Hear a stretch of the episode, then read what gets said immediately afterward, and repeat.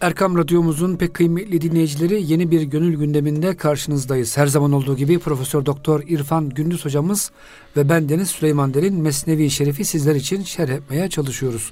Hocam hoş geldiniz. Hoş bulduk. Teşekkür ederiz Süleymancığım. Hocam gönül gündeminde ne var bu hafta? Güzel Her zaman şey olduğu mı? gibi Hazreti Pir'den güzel e, besteler, efendim renkler, sesler, nefesler sunacağız değerli dinleyicilerimize. Bunların her birisi gerçekten kulağımıza küpe olacak kadar kıymetli nasihatler ihtiva, ihtiva ediyor. Cenab-ı Hak sohbetimizden önce nefsimize sonra da dinleyicilerimize hayırlı tesirler e, meydana getirsin diyoruz. Hocam bu duanıza amin diyoruz. Geçen haftalarda amin. hocam Hütüt kuşuyla Süleyman Aleyhisselam'ın tabii. konuşmasında kalmıştık. Şimdi tabii Süleyman Aleyhisselam hem rüzgara, e, havaya hakim olan peygamber hem hayvanların dilinden, kuşların dilinden anlayan peygamber ve aynı zamanda bunları e, istediği zaman isti, istihdam etme yeteneğine de sahip olan peygamber. Hani o hatırlıyorsunuz o Belkıs'ın tahtının getirilmesi hadisesi filan var. Ee, Tabi Süleyman Aleyhisselam, Davud Aleyhisselam'ın e, dan sonra Hazreti Süleyman aynı zamanda hem dünya e, dünyevi hem uhrevi ahkamı tanzime memur peygamber, resul, nebi değil şeriat sahibi peygamber. Ve kral mı hocam aynı zamanda? Evet hem de hem dünyada yani dünyada da otorite, ukbada da otorite. Sultan. Evet. Sultan. Şimdi böyle e, hayvanlar teker teker gidip Hazreti Süleyman'a kendilerini arz ederken hütüt kuşu da geliyor. O da kendini takdim ediyor. Bunu eğer hatırlarsa dinleyicilerimiz mesela eğer e, böyle köle pazarında satılan köle Bakıyor ki geliyor bir e, efendi almaya çalışacak. Efendinin tipi hoşuna giderse kendisini böyle çalışıyor. beğendirmeye çalışıyor. Yok istemezse eğer evet. ne kadar menfi tarafı varsa beni beğenip de seçmesin diye evet. kendisini çirkin ve hor göstermeye çalışıyor. Şimdi bu anlamda da hütüt kuşu geliyor. Hütüt kuşu kim? Şimdi kargayla hütüt, hütütü burada yarıştırıyor. Biraz sonra esas gelecek. esas hütüt insanın e, manadan ve imandan nasibini alan tarafı. Marifet tarafı. Ruh tarafı. Ama karga nefs tarafı. Nefsani tarafı. Şimdi hüt hüt kuşu geliyor diyor ki e, bin gerem ez evciba ez evciba çeşme yakin. Ben diyor bak görebilirim. Ez evç en tepeden ba çeşme yakin. Sanki çok yakından görür gibi ya da yakin biliyorsunuz e, ilmin dereceleri var. Yakin bunlardan birisi. Va'bud rabbeke hatta ye'tiyekel yakin. Yakin hasıl oluncaya kadar ibadet et. Şimdi yakin dediğimiz kesin bilgi, tereddüt olmayan, şüphe duyulmayan, doğruluğu konusunda en ufak bir teşek, e, şüphenin, şekkin olmadığı bilgi demek yakin. Onun üç tane derecesi var. Biliyorsunuz bir ilmel yakin, iki aynel yakin, üç hakkal yakin. Hakkal yakin. Şimdi ilmel yakin e, aklımızda biliyoruz ki biz işte uzaktan bir ateş yanıyor ve duman çıkıyor. Dumanı görüyoruz biz. Ateşi, ateşi görmüyoruz ama o dumandan akıl yürüterek orada ateş yandığına hükmediyoruz. Eğer bir çok büyükse bir ev yanıyor diyoruz. Çok daha büyükse bir fabrikada bir yangın var diyoruz. Ama neye göre diyoruz? Çıkan dumana göre. Dumana göre. Hmm. Ha yanına yaklaştık, gördük alevleri. Hatta alevlerin ısısını duyacak kadar yaklaştık. Bu aynel yakin. Şimdi leysel haberu kel ayan. Hiçbir duyulan bilgi görülen bilgi gibi, değildir. Görülerek elde edilen bilgi daha kesin. Ama bunlardan da daha kesin bir bilgi var. Hakkel yakin. Ateşte yanmak. Ha ateşte yanmak yani ateşin ateş nasıl yakıyor? Yaktığı zaman nasıl acıtıyor? İşte o e, hani e, hamdım piştim olgunlaştım ya, elhamdülillah evet. diyor Hazreti Pir. Yanmayan bilmez. Yaşamayan da yanmanın acısını tadamaz. Ama o da bir yakin derecesi. Belki de en üst derecesi. Evet. Ama burada e, ben yakin gözüyle gerçek olarak görürüm diyor. Ta tepeden bakarım. Neyi görürüm? Men be binem abu der zemin. Ta toprağın en altındaki ben suyu ta en yukarıdan görebilirim. Şimdi bu şeyler filan var ya hani sihalar filan var ya. Evet. Adam çok kilometrelerde yukarıdan adam tarassut ediyor. Aşağıdaki teröristin kolundaki saati görüyor saatin kaç olduğunu bilecek kadar net görüntü çözünürlükte net görüntü gönderiyorlar. Öyle takip ediyor ki bu. Ben de işte hüddüt kuşu öyle bir maharetim var ki bende. Ben yukarıdan uçarım ama. Baktığım zaman ta yerin altındaki hangi hazineler saklı bunu görebilecek kadar bir mahir ferasetim var. Allah'ın verdiği Böyle kapalı kapalı kapılar ardındaki gerçekleri görebilecek bir yeteneğim var. Kendisini Hazreti Süleyman'a beğendirmek için bunu söylüyor. Beğendirmek istemezse ne yapar? Hiç de söylemez bunları. Kendisi seçsin, kendisi baksın der. Ama Hütüt kuşu kendisini Hazreti Süleyman'a beğendirmeye ve kendisini yanına alıp istihdam etmesini istiyor. O yüzden bu maharetlerini sayıyor. Hem de abartmadan Olanı söylüyor. olanı söylüyor. Tabi bazı insanlar bu e, ağlamayana meme yok diye şimdi bizde bir söz var. Hele şimdi çok daha şey. İnsanlar e, belki de maharetleri hiç yok ama öyle anlatıyorlar ki kendilerini. Öyle anlatıyorlar ki zannediyorsun ki bu Olmayanı var gösteriyorlar. ha, dünyanın en acem mübalağası diyorlar buna. Sanki dünyanın en mahir adamı bu olmadığı zaman her şey yıkılır. Merkezi bu adam. Öyle anlatıyor adam. Halbuki bu tip şeylerde yani insanın ne abartılı söylemesi lazım. Ya söyleyecekse olanı olduğu, olduğu kadar söylesin. Aksi halde bak kurbu suza, sultan ateşi suza. Sultanlara yakıl olmak yakıcı bir ateştir. Şimdi siz anlatırsınız.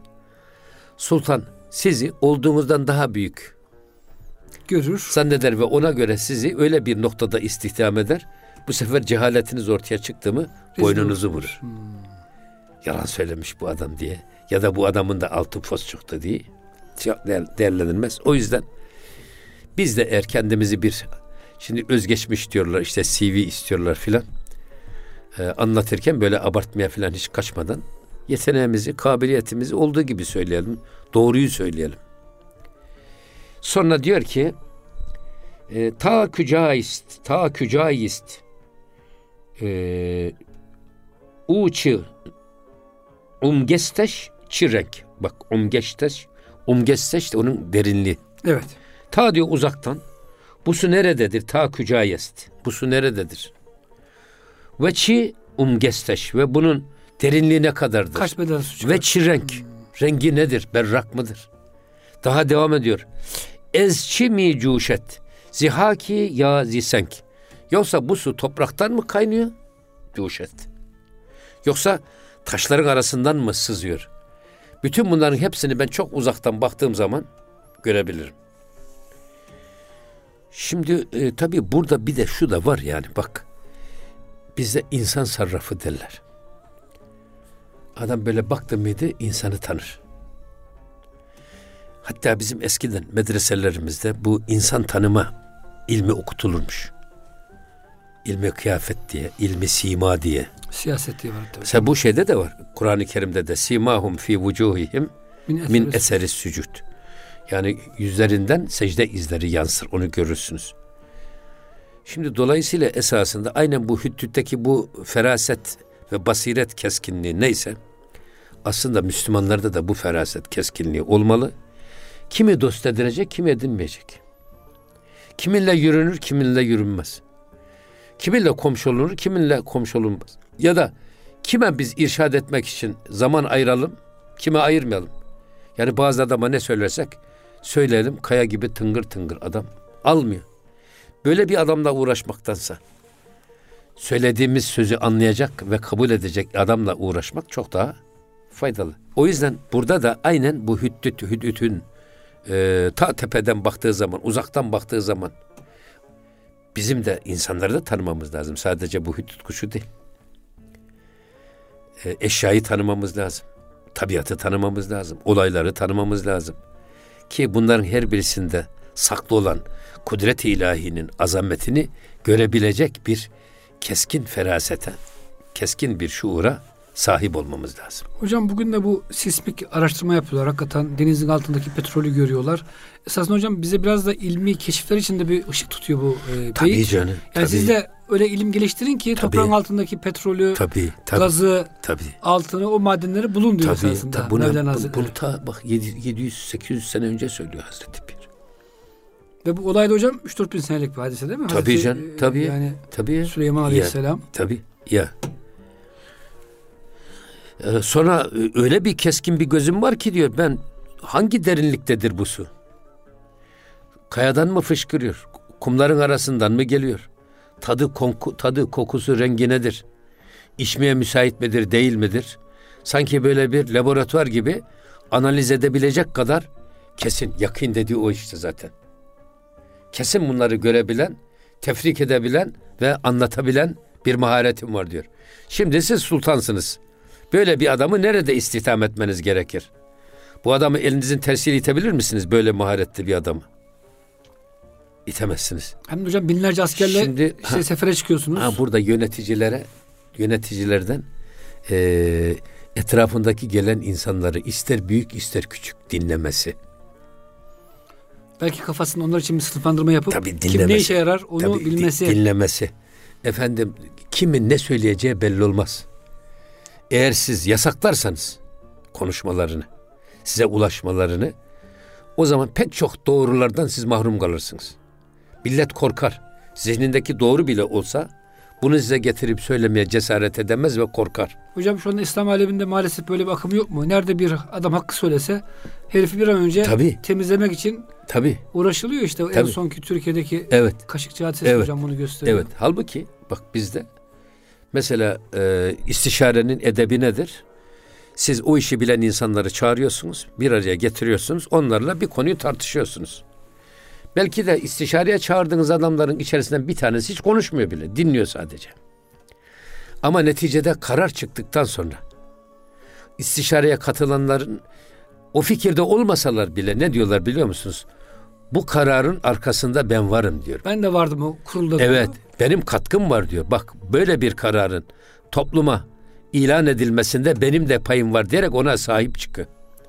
Ve bu o düşüncenin gücünü artırıyor toplumdaki etkisini ve etkinliğini artırıyor. O yüzden burada da bak hiç Hazreti Süleyman Aleyhisselam ben peygamberim. Hem dünyanın ve hem de ukbanın peygamberim diyerek öyle hiç kimseyi elinin tersiyle itip dinlememezlik yapmıyor. Bak hüdhüdü dinliyor.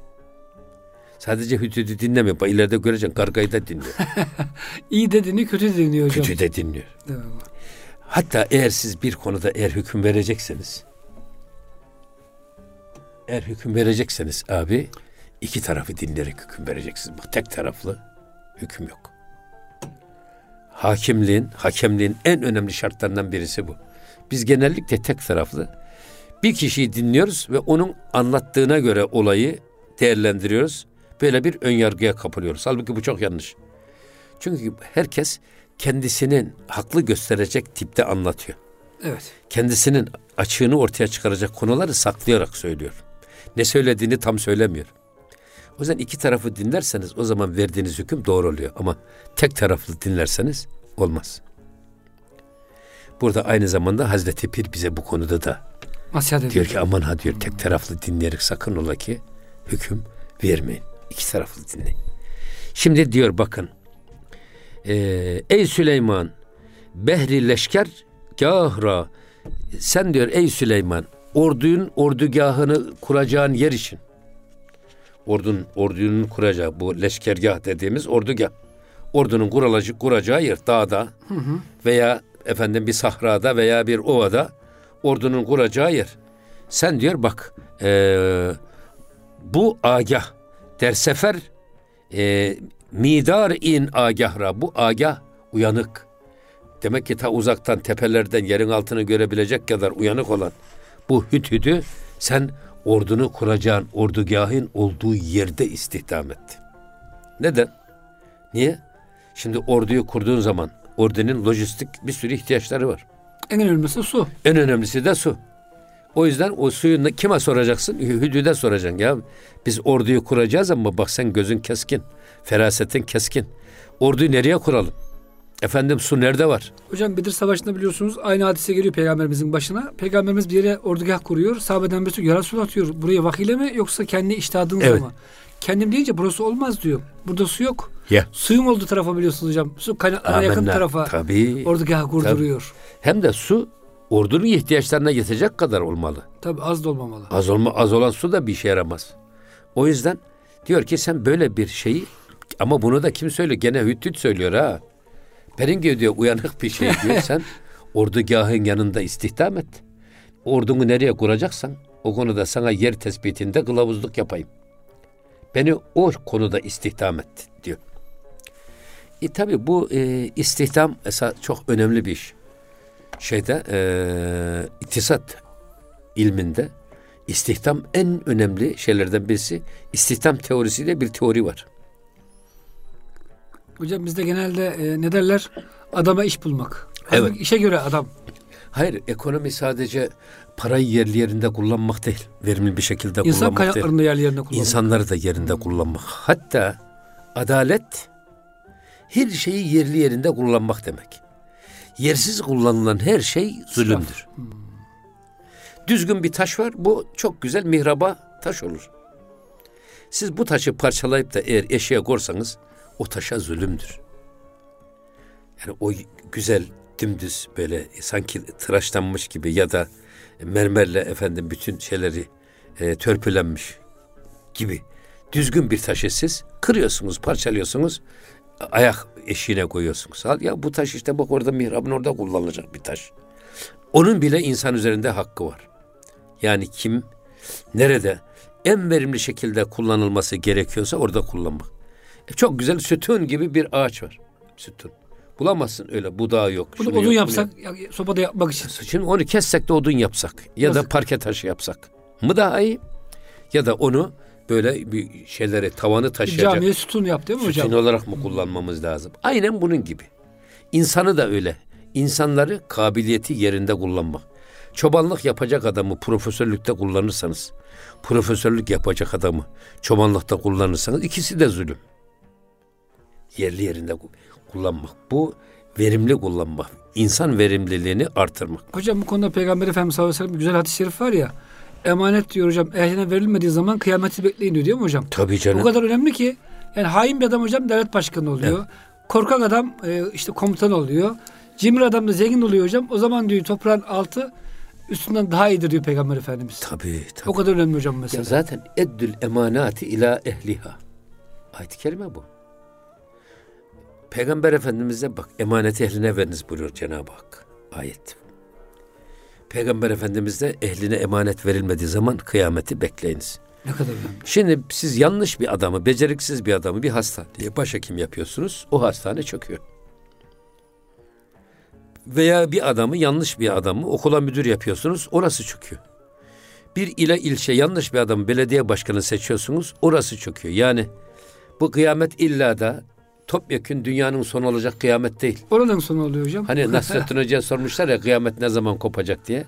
Demiş ki ben vallahi genel kıyameti bilemem demiş ama Hanım ee, ölürse- hanım ölürse küçük kıyamet, kendim ölürsem büyük kıyamet ne kadar demiş. güzel ifade etmiş. Abi, diğer kıyamet geliyorsa elinden geldi, hoş geldi, sefa geldi.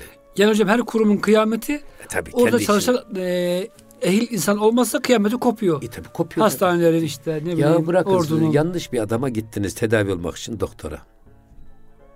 Doktor sizi öldürüyor. Kıyametiniz koptu işte. Koptu. Kıyam- Kıyametiniz koptu. Aynen bunun gibi. O yüzden istihdam meselesi çok önemli bir iş. Ha bu istihdamı bir de biz kendimiz açısından düşünürsek. Ömrümüzü nerede kullanacağız? Nerede harcayacağız? Gözümüzü nerede kullanacağız?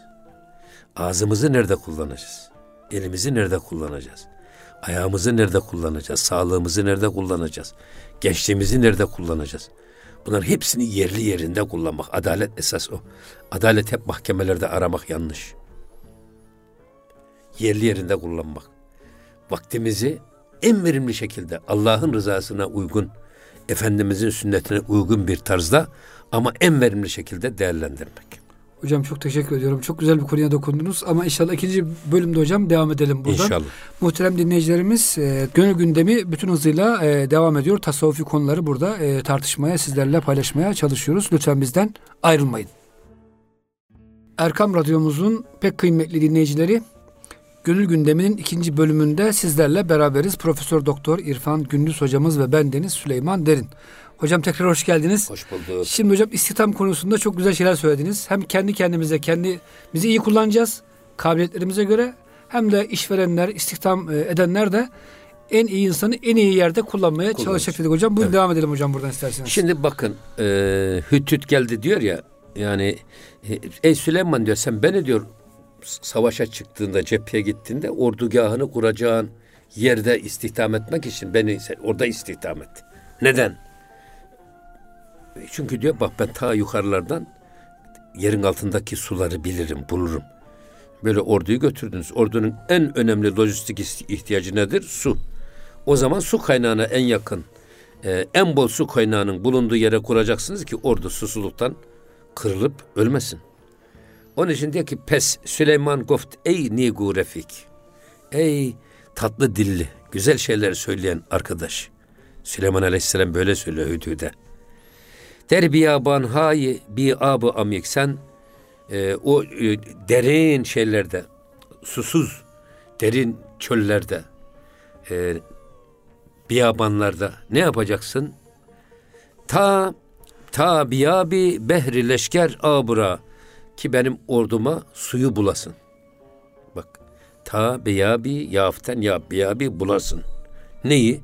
Le, e, behri leşker ordum için abıra suyu sen bulasın. Nerede? O dipsiz çöllerde.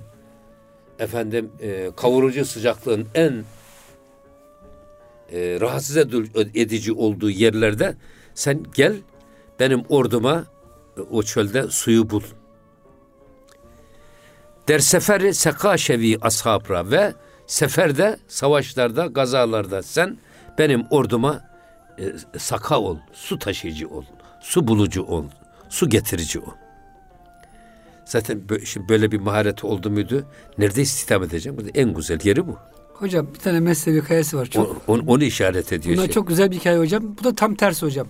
Bir tane hocam tabi sahte şey, sahte sufiler de var biliyorsunuz. Mevlana Hazretleri buyuruyor ki bir derviş gelmiş e, karargaha akıncıların hocam o sınır boylarına. Ben de demiş nefisle çok cihad ettim. Nefsimi yendim. Sıra demiş e, zahiri cihada geldi. Ben de götürün yarın demiş sefere. Demişler olur derviş baba yat şimdi erkenden, erkenden işte kalkar gideriz. Tabi bu tembel olduğu için hocam gerçek bir sufi değil.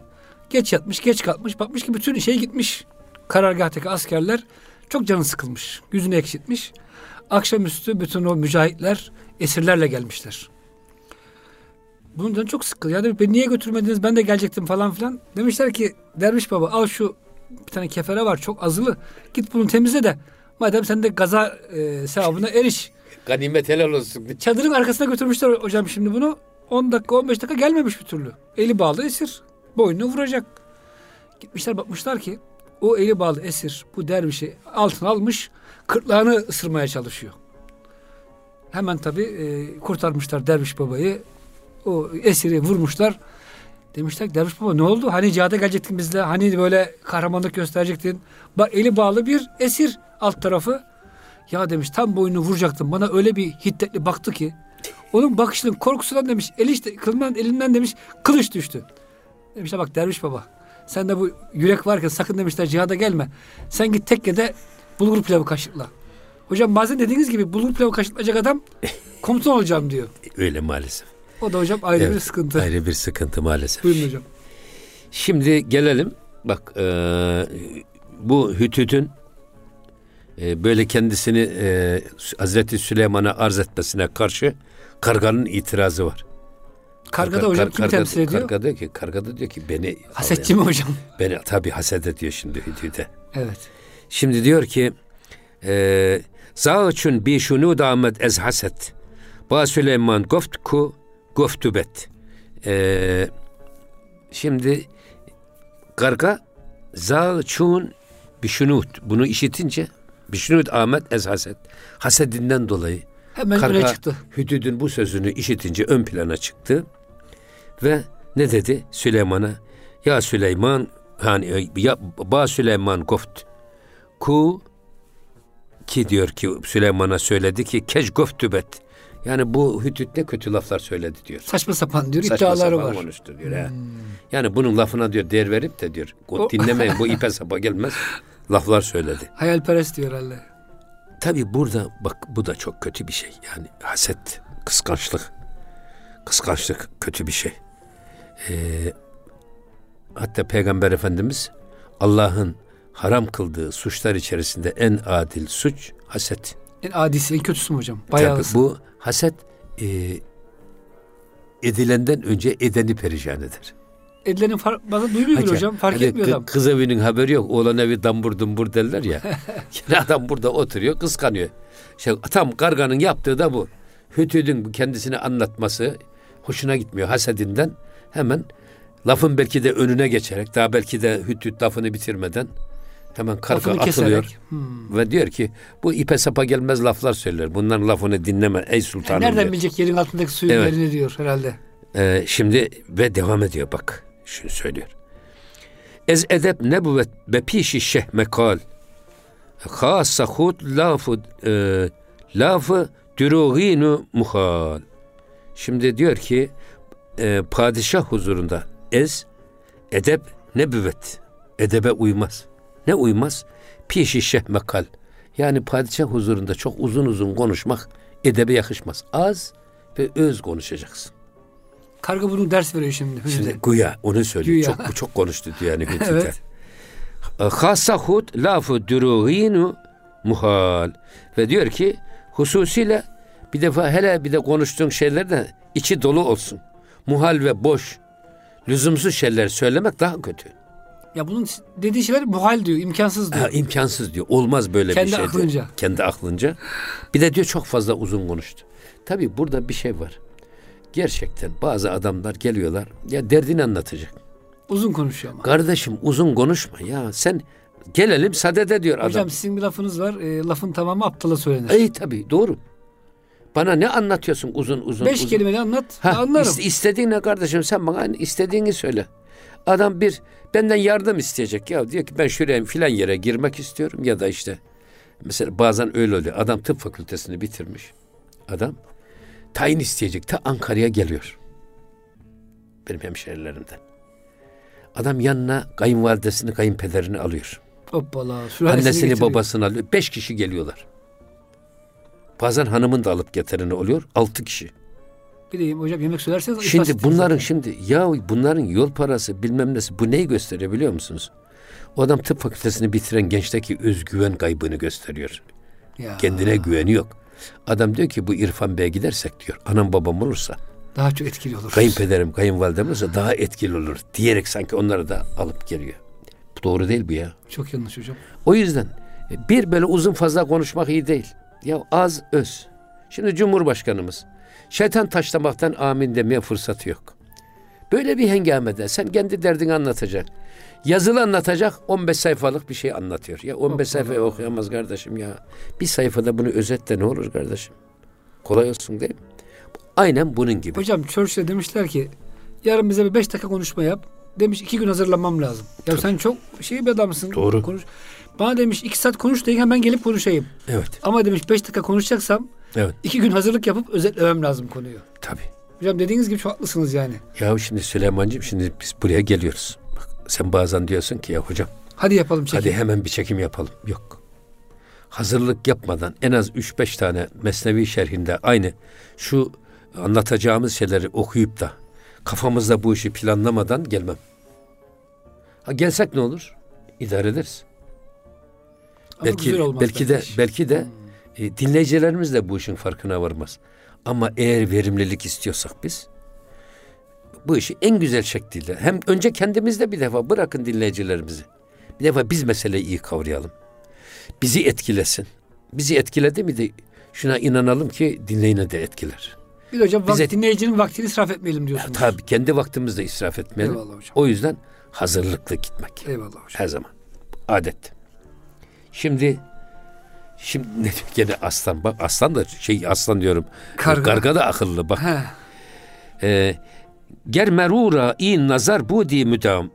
Eğer diyor bu hüdütteki bu nazar Bu sağlam. tepeden baktın mıydı yerin altını görme hassası ve özelliği sürekli olsaydı eğer diyor çun bak çun ne dedi ziri müşti hakdam halbuki diyor toprağın altına saklanmış tuzakları da görürdü diyor o tuzağı görmüyor iniyor o tuzağa düşüyor Hani yakalanmak için bazı tuzak koyuyor He, şimdi ta diyor, ta toprağın diyor, altında? ta diyor şeye, yerin altındaki suyu göreceğim, görebilirim diyen bu derin feraset ve basirete sahip olduğunu iddia eden Hüttüt'teki bu nazar ve feraset eğer sürekli olsaydı toprağımın altına saklı tuzağı görür ve o tuzağa düşmezdi diyor. Ama düşüyor diyor.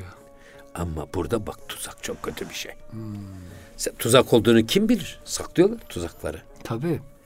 Adam saklıyor sen toprak zannediyorsun. Hayır hütüdün öyle vazifesi Veya yok. veya arpa buğday zannediyorsun adam. Doğru. Tuzağı kurmuş üstün üstüne toprağı örtmüş.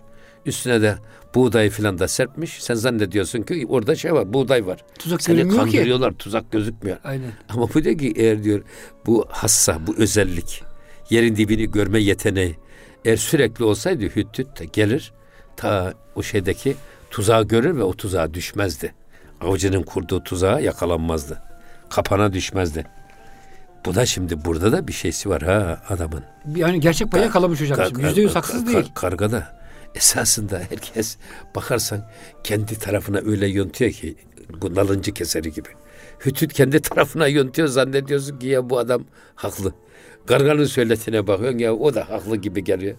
Hocam Mevlana'nın böyle bir başarısı da var. İki tarafı tartıştırırken ikisi tatlı gibi gözüküyor hakikaten. Buyurun. Şimdi devam ediyor bakın. Süleyman Aleyhisselam ne diyor? Pe- Pes Süleyman goft ey hüdhüd revast. Ee, Kez tu derevvel kadeh in in durdu hast. Ki e, ey hüddüt diyor Süleyman Aleyhisselam. Eğer ilk işinde ilk işinde e, ya da ilk kadehinde tortu çıkması kahvede. Tortunun fazla çıkması. Yani dibinin ikincisine Ya da diyor? hemen Hmm. ilk yaptığın hünerini bana ispatlamak üzerinde ilk yaptığın gösteride Cai, caiz. efendim ya- yanlış netice çıkması bu. Ya da e, söylediğin doğru çıkmaması yakışır mı hiç diyor. Peygamberin huzurunda. Madem söyledin hiç olmazsa söylediğini gerçekleştir. Sen karganın inan- inanmış gibi gözüküyor Hazreti Ya, Süleyman. ya, ya da şey yaparsan eğer e, ya biraz önce de söyledik ya şimdi adam biz yeteneğimizi anlattık anlattık adam da doğru zannetti bizi getirdi bir noktaya koydu o işin tam tepesine. Halbuki bizde onun hiç behresi yok. Hemen elimiz ayağımız birbirine dolaşmaya başladı ve yanlış yapmaya Hata başladık. yaptık. İşte budur tortu. Halbuki ya bırak kardeşim yapabileceğini söyle ne olur. Ona göre değerlendirsin seni. Yani olmayan e, maharetleri varmış gibi göstererek. Hocam bu çok siyaset oluyor değil mi? Mesela Her şey. milletvekili aday olacak adam. Oo, bir CV hazırlıyor adam. Ya bu sadece milletvekilinde değil canım. Her yerde. En biz- basit işte bile belki. E, tabii yani öyle bir CV hazır sanıyor, sunuyor ki sen CV'ye bakıyorsun bu adam 24 er vazgeçilmez bir adam gibi görüyorsun. O kadar ama çalıştırıyorsun. Sonra çalıştırıyorsun hiç de öyle çıkmıyor adam. Ve o yüzden e, doğru çıksın dediğini yap. Söyledik ya hani e, kurbu sultan ateşi suzan diye. Sultanlara yakın olmak bu yüzden yakıcı bir ateşe benzer. Sultanların iyi tarafına gelirsin o hep yanlışlarını görmez, hatalarını pek görmezden gelir. Ama bir de senden beklediği başarıyı sen gösteremediğin zaman da alır kelleni vurur. Aynen. Hocam paşa olursun orduya. Evet, Konağa da konarsın ama üç gün sonra savaşta kazanamadın mı kelle gider. evet. Şimdi diyor ki bakın. Eee Çu numayi mesti eri hordedu. E, çun numayi sen gösteriyorsun. Mesti sarhoşluk taslıyorsun. Kim? E, ey hurde du. Ey ayran içerek. ayran içtiği halde sarhoşluk taslayan adam. Ya ayran adama sarhoşluk verir mi? Vermez. Aynen bunun gibi diyor yani ha. Yani adam e, kendindeki e, yeteneği olmadığı halde varmış gibi gösterme. Ayran içen adamın sarhoşluğu da neyse. Bu da o. Olmayan bir şeyi kendisinde varmış gibi gösterme de. Ben çok iyi bir şoförüm dedin. Ehliyetin yok. Hayatında hiç direksiyon başına geçip araba kullanmadın. Şimdi hadi bakayım geç direksiyona dedikleri zaman bir adamın duyacağı o e, mahcubiyeti, utancı, hele böyle bir padişahın ya da padişah peygamberin huzurundaki mahcubiyeti düşünebiliyor musunuz? Dehşet bir şey hocam. Efendim e, pişimmen la fizeni van gehduru. O yüzden diyor hu- huzurumda hep laf lafzenlik yapıyorsun. Lafazanlık yapıyorsun. Lafzen var ya biz Lafazan. lafazan geçmiş bizde. Lafzen çok konuşmak demek. Vıt vıt vıt vıt vıt. Laf vurmak, çene vurmak var ya. oradan geliyor lafzen. Bu bize lafazan olarak geçmiş. Eyvallah. Çok fazla konuşuyorsun. Tabii bir de yalan söylüyorsun. Kötüsü de yalan olmaz. Evet. Şimdi Garganın bu tanına karşı Hütüd'ün cevabı. Gargar tabi buradaki e, dediğimiz zaman esas Hütüd'ün manası arif olan insan. Ama garga da nefsani tarafı ağır basan insan manasına. Anlaşıyoruz. Yani anlıyoruz. Onu evet. e, öyle değerlendirmek lazım. Dedi ki Goft eyşeh bermenni uri geday. Ee, ya ey padişahım diyor Hütüt. Benim gibi çıplak fakir bir e, derviş mi diyelim ona ne diyelim. Fakir birisinin, çaresiz, aciz birisinin e, aleyhine olan bu düşman sözüne fazla kulak asma demek istiyor. Bu benim de düşmanım. Evet. Hasetçim. Kavli düşman e, meşinev ez behri huday. Allah rızası için diyor. Bak e, düşmanın sözünü hani benim aleyhimdeki söylenen düşman sözünü dinleme diyor. Şimdi düşman hangi dostun e, lehine laflar söyler mi? Söylemez. Söylemez. Hep aleyhine hatta onun zaten haset de söylemez. Hasut. Hasut olan adam da haset ettiğini toplumda küçük düşürmeye çalışır. Hep onun aleyhine çalışır. O yüzden Peygamber Efendimiz ne mutlu o kimseye ki diyor. Kendi kusurlarıyla meşguliyeti onu başkalarının ayıbını araştırmaktan alıkoymuştur. Kimseye uğraşmıyor, kendine haset ediyor hocam diyelim. Tabii. Şimdi, Hasedi kendi kendine. Bela tecessüsü ayet-i kerimesi. Aslında birbirinizin casusu olmayın. Birbirinizin açığını aramayın. Yanlışını aramayın. Kul kusursuz olmaz. Tecessüsünün tam kelime manası bu. Birbirinize casusluk yap yapmayın. Yapacaksanız kendi kendinize casusluk yapın. Nefsinizin ayıplarını araştırın ve o ayıplardan kurtulmaya çalışın. Çünkü Allah nefsimizi ve bizim yanlışımızı bizden soracak. Başkasının yanlışını bizden sormayacak. Bir de bu hep verimlilikten bahsettik. Şeyde yerli yerinde kullanmaktan bahsettik. Yine Peygamber Efendimiz ne buyuruyor? Min husni İslamil mer'i terkuhu mala yani. Kişinin faydasız işten, faydasız sözden kendisini uzak tutması ahlakının mükemmeliyetindendir. Ahlakının güzelliğindendir. Ya biz her attığımız adımda, her söylediğimiz sözde bir bunları şöyle ölçümünü yapmak lazım.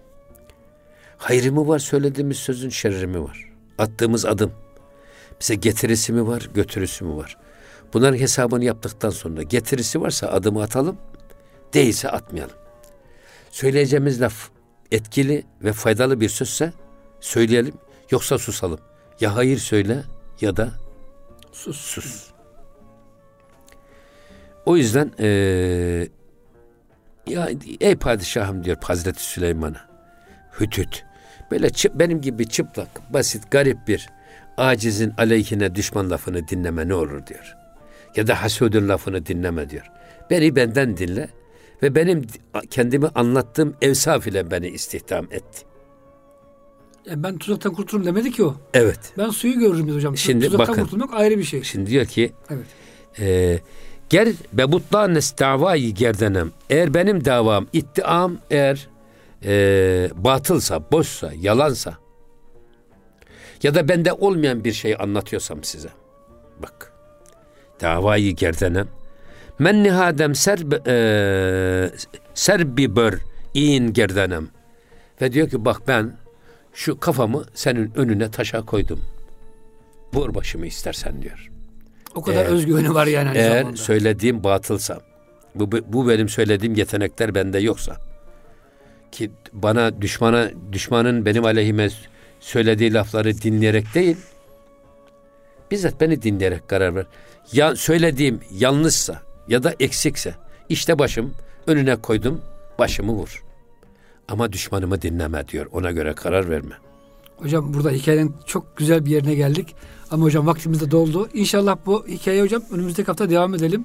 Bakalım Hazreti Süleyman ne yapacak? Hüdüt'e mi kulak verecek? Yoksa Kargaya. ona Hazreti Kargaya mı kulak verecek? Muhterem dinleyicilerimiz e, sohbetimiz gayet güzel e, gitmekte ama vakit bitti burada. İnşallah önümüzdeki e, programımızda e, Hazreti Süleyman'ın nasıl bir karar vereceğini hep beraber göreceğiz. Bu sırada hepinize e, sağlık, afiyet diliyoruz. Hoşçakalın efendim.